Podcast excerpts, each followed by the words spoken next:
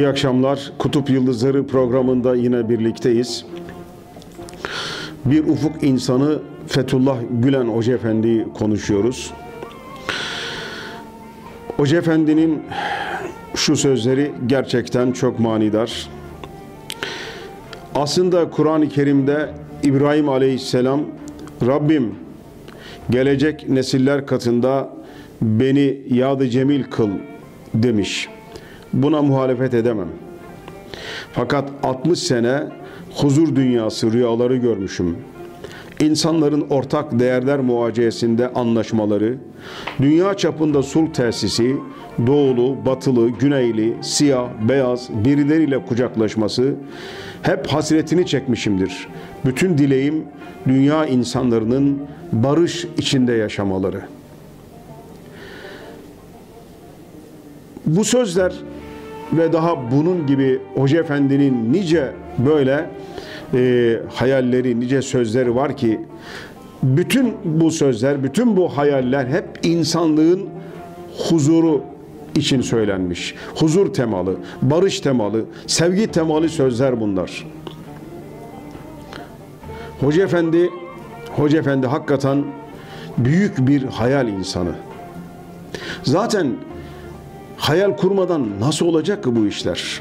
Bir insan ortaya muazzam bir şeyler koyması gerekiyorsa önce onun hayalini kurması lazım.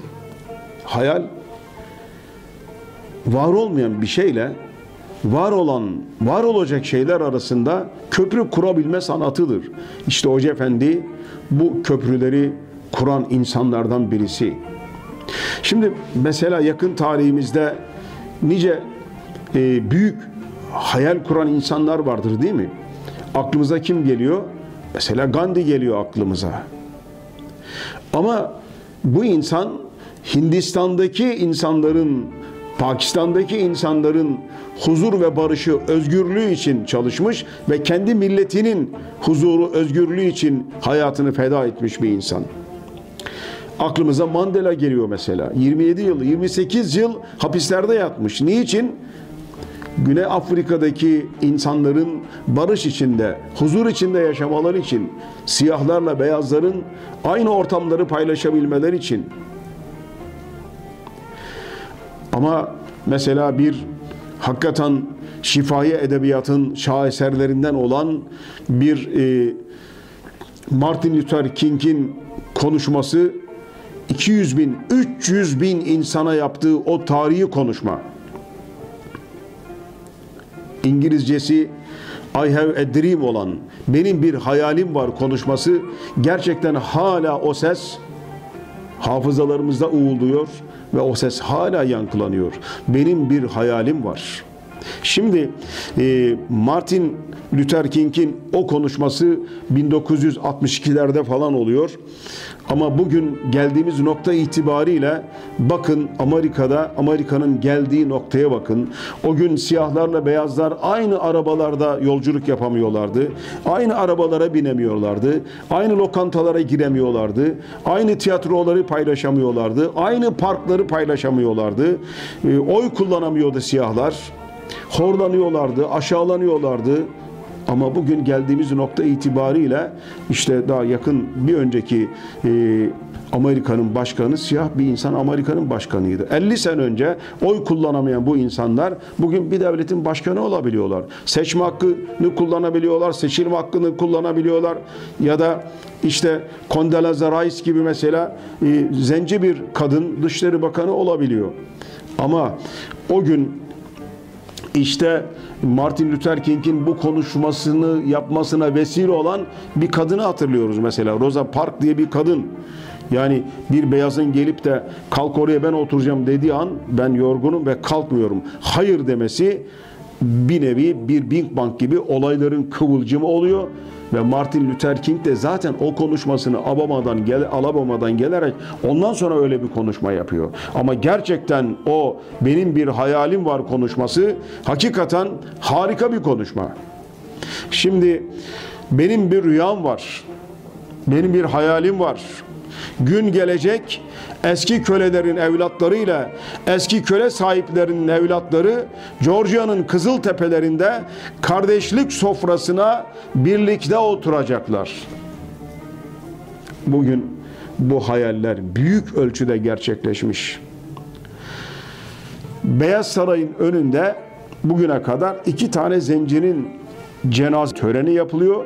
İşte bunlardan birisi de 2005 yılında vefat eden Rosa Parks. İşte o kadın. Condoleezza Rice o e, Rosa Parks'ın e, cenazesinin başında diyor ki Rosa olmasaydı bugün ben bu makamda olmazdım diyor. İnsanların hayalleri gerçekten çok önemli. Ve hayatı tutunmanın yolu da hayal kurmaktır. Hayal kuramayan insanlar rüzgarın önündeki yaprak gibi savrulur giderler. Hayatlarından da hiçbir lezzet, hiçbir zevk almazlar. Hele bir de bu hayaller kendi için değilse, insanlık içinse, başkaları içinse, hele bu hayaller bir de o insanların huzuru, sevgisi, barışı içinse artık oradaki hayal kutsal bir hale gelir. Kutsal bir hayal haline gelir. İşte Fethullah Gülen Hoca Efendi gibi insanlardaki hayaller de bu. Bütün bir dünyayı saran, bütün bir dünyayı kuşatan hayaller. Açın sinelerinizi. Binlerce, on binlerce, yüz binlerce insana söylenen sözler. Açın sinenizi, ummanlar gibi olun. Kalmasın dünyada mahzun bir gönül. Hakikaten bu sözlerle Hoca Efendi Anadolu insanının içindeki bir devi uyandırdı ve artık o devi durdurmak mümkün değil. Binlerce, on binlerce öğretmen Anadolu'nun bağrından koparak dünyanın değişik ülkelerine, bölgelerine gittiler. Gittikleri yerlerin pek çokları da ölümü göze almadan gidilemeyecek yerlerdi. Ama o ülkelere gittiler ve oralarda hakikaten tarihin hiçbir döneminde olmadığı kadar belki de öğretmen fonksiyonunu icra etti. İş adamları büyük bir fonksiyon gördüler, büyük bir görev icra ettiler. Hakikaten işte Hoca Efendi'nin belki de o tahta kulübelerde, belki de Edirne'deki Üç Şerefeli Camii'nin penceresinde kaldığı yıllarda kurduğu o büyük hayaller bugün büyük ölçüde gerçekleşmiş oldu. Biz işte dünyadaki entelektüellerin, insanların konuşmalarından da büyük ölçüde bunları anlıyoruz. Bunların gerçekleştiğini hem görüyoruz hem de o insanların tespitlerinin ne kadar yerinde olduğunu çok rahat görebiliyoruz. Mesela Cengiz Aytmatov'u Asya'ya açılalım. Asya'nın e, büyük mütefekkirlerinden, yazarlarından birisi. Pek çok eserlere imza atmış. Yani Beyaz Yemi gibi, Gün Olur, Asra Bedel gibi e, yani pek çok eserleri olan bir insan Cengiz Aytmatov. Eserleri dünyada 154 dile çevrilmiş. Yani neredeyse bütün ülkelerde okunan bir insan. Ve bu insanın sözleri ne kadar önemli bakın. Benim romanlarımda diyor aradığım kayıp nesli bu okullarda buldum ben diyor. Bir nesil hayal ediyor. O kendisinde bir nesil hayal ediyor. Zaten beyaz gemideki atsız olan ne? Bir çocuğunu kaybediyor. Kaybolan bir şey var. İşte az önce işte geçen sohbetlerimizde ifade ettiğimiz gibi yani Bosna'nın bilge e, lideri, bilge lideri Aliye İzzet Begoviç'in dediği gibi evet dünyada ahlaklı insanlar var. Ama önemli olan ahlakla uzmanlığı bir araya getirip bütünleştirmek. Bunun sancısını çekiyoruz diyor. İşte bu okullar hem uzman insanlar yetiştiriyor, hem ahlaklı insanlar yetiştiriyor, hem de dünyada birlikte yaşama sanatını icra edebilecek bir ruhta yetiştiriliyor. İşte Hoca Efendi'nin öğretileri insanlığa bunları kazandırdığı için çok değerli. Şimdi bakıyoruz hakikaten geçmişte işte Mevlana'ların, Yunusların, e, o büyük mana erlerinin ya da o yüce çınarların e, tecrübelerini evrensel ahlaki ve insani motiflerini bugün kolejlerde, bugün yurtlarda, bugün evlerde o o çocukların üzerinde görebiliyoruz. Dolayısıyla burada ne bir geçmişi inkar var, ne bir geleceği inkar var. Evet burada geçmiş ile gelecek arasında köprü olan bir nesil var, bir insanlık var. Bu çok değerli zaten. Onun içindir ki e, bazıları Hoca Efendi'nin başlattığı bu harekete doğrudan doğruya Türk sofizmi diyorlar. Yani Türkiye topraklarından neban eden, fışkıran bu harekete yani e, evet bu bir e, sufizm değil belki bir e, tasavvuf hareketi değil ama fakat köklerinde e, tasavvufu da barındıran, sofizmi de barındıran e, geçen derslerimize ifade ettiğimiz gibi hakikaten e, seküler bir dervişliği dervişliği e, gündeme taşıyan, e, bugünlere taşıyan bir hareketle karşı karşıyayız. Şimdi İngiliz profesör Simon Robinson Hoca Efendi için bambaşka bir tabir kullanıyor. Hakikaten bu insanlar bu tabirleri bu söylemek için herhalde hareketi bütünüyle incelemeleri gerekiyor. Hoca Efendi'yi incelemeleri gerekiyor. Belki söyledikleri iki kelimelik bir şey ama mesela Hoca Efendi için Türk Einstein'ı demiş. Robinson'un tespiti de bu. Türk Einstein'ı. Şimdi ve mesela Rusya Devlet Üniversitesi Felsefe Bölüm Başkanı Abdüsselam Guneyev Hoca Efendi için diyor ki ben onun başına gelenlere şaşırmıyorum diyor. Çünkü bunlar Gandhi'nin de başına geldi, Martin Luther King'in de başına geldi. Ee, yani onlara da aynı şeyler söylendi diyor. Onlara da terörist dendi. Onlara da her türlü şeyler söylendi. Onlar da linç edildiler zamanında. Şaşırmıyorum diyor. Fethullah Gülen de tıpkı o insanlar gibi hakikaten insanlık barışını arzu eden, talep eden bir mütefekkir olarak, bir ufuk insan olarak karşımızda duruyor. Şimdi Hoca Efendi biliyorsunuz hem Türkiye'deyken hem de Amerika'da bulunduğu yıllarda neredeyse hiç ara vermediği bir e, ders halkası var. Türkiye'deyken de bunu yapıyordu. Bu derslerin e, uzun yıllardan beri, ta bizim belki öğrencilik yıllarımızdan beri bu dersler hiç aksamadı. Ve e, sürekli Hoca Efendi talebe yetiştirdi. Bugün de yetiştiriyor. En zor zamanlarda bile ara vermediği e, önemli aktivitelerden birisi bu. Mesela o ders halkalarından birisinde pek çok ülkelerden öğrencileri var. Sadece bu öğrenciler Türkiye'den değil. Hele bugünlerde farklı ülkelerden de öğrenciler geliyor ve Hoca Efendi'nin yanında ders görüp sonra gidiyorlar. Şimdi bir gün mesela öğrencilerin birisi Hintli. Hintli bir öğrencisine orada ders okuturken diyor ki Hoca Efendi ben diyor Gandhi'nin hayatını hapishanede okudum diyor. Çok e, demokrat, çok insancıl birisi. Gandhi ve İkbal nadirattan insanlar. Hiç değişmemişler. Gandhi bir dava adamı ve hiç değişmemiş. Çocuğu öldüren bir Budiste diyor ki, çocuğu öldürülen bir Budiste diyor ki, al sen de bir Müslüman çocuğunu yetiştir. Öldürmek bize yakışmaz diyor. Şimdi Gandhi'nin bu hareketi, bu davranışı ne kadar insani değil mi?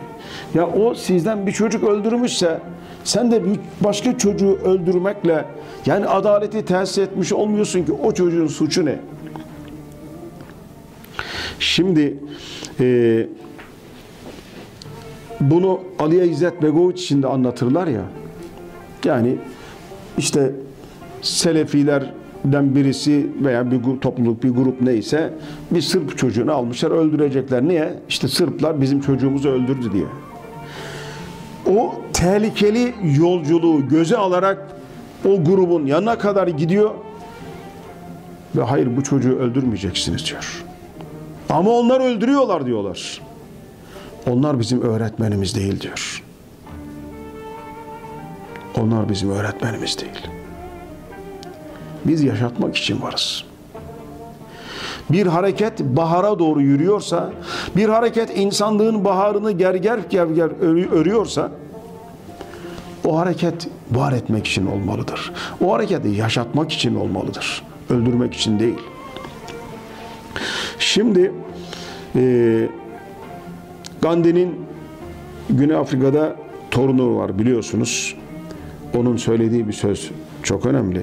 Bugün dünyada çok konuşan insan ama e, konuştuklarını hayata geçiren çok az insan var diyor. Fethullah Gülen ve hizmet hareketinde beni etkileyen şey söylediklerini yapan insanlar olmaları. Evet, bu çok önemli. Söylediğini yapan insan olmak. Şimdi son zamanlarda e, en son çıkan kitaplardan birisi e, A Life of Hizmet diye hizmet bir hayat diye bir kitap çıktı biliyorsunuz. Bu da John Pahl'ın bir kitabı. Aslında bu bizim bulunduğumuz yerde de bu kitabın tanıtımı olacaktı. Yazar gelip buralarda konuşmalar yapacaktı. Pek çok e, arkadaşlarımız e, kitaba çalıştılar, özetlerini çıkardılar, sorular hazırladılar. Ama ne yazık ki bu korona e, virüsünden dolayı bu e, seyahat gerçekleşmediği için e, bu tanıtım olmadı ama e, bu kitapta da hakikaten çok önemli tespitler var. E, Erzurum'dan çıkmış bir genç nasıl oldu da dünya çapında böyle bir sosyal harekete ilham verdi, bu hareketi gerçekleştirdi diye e, başlayan tespitler e, ve bana da çok çok ilginç gelen bu hareketin iki ana rüknünden bahsediyor. Abla ve abi rükünleri. Evet bu hareketi diyor e, aktivite eden, ona bir dinamizm kazandıran bu iki kavram abi ve abla rükünleri, hizmetin e, bastığı bu rükünleri ifade ediyor ki kitabında da bunun örneklerini vermiş. Mesela bir e, Derya öğretmenden bahsediyor o, o kitapta. E, okulda diyor işte ortaokul veya lisede neyse ya da üniversitede bir öğretmenin tavırları, konuşmaları onu derinden etkiliyor diyor. Sonra o öğretmenin o hali, o tavırları e, Fethullah Gülen Hoca Efendi'den kaynaklandığını öğrenince bu defa hareketi ve Hoca Efendi'yi tanımaya başlıyor. Ve hareketi tanıdıktan sonra da Hoca Efendi'yi tanıdıktan sonra da artık alıyor pılını pırtısını. E, bu ülke senin o ülke benim.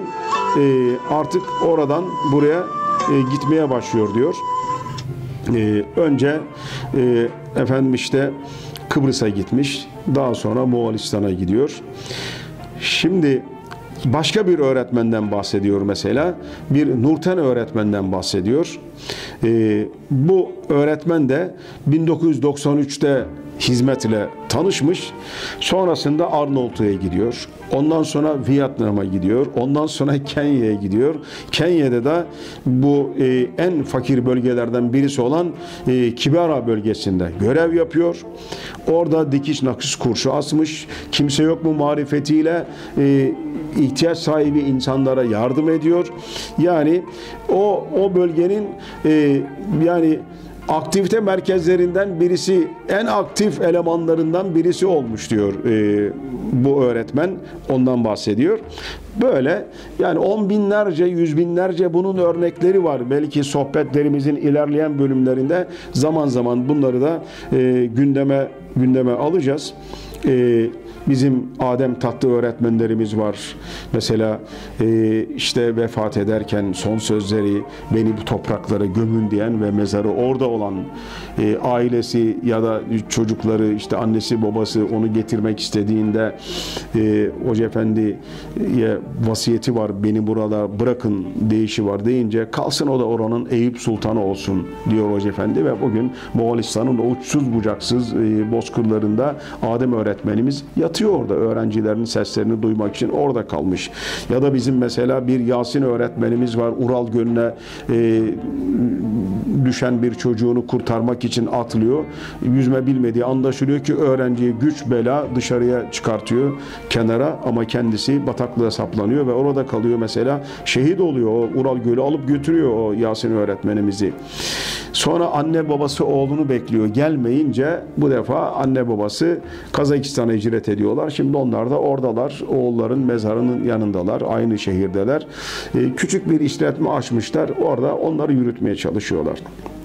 Baktım bir gün süt ürünleri falan yapmaya çalışıyorlar şeylerle.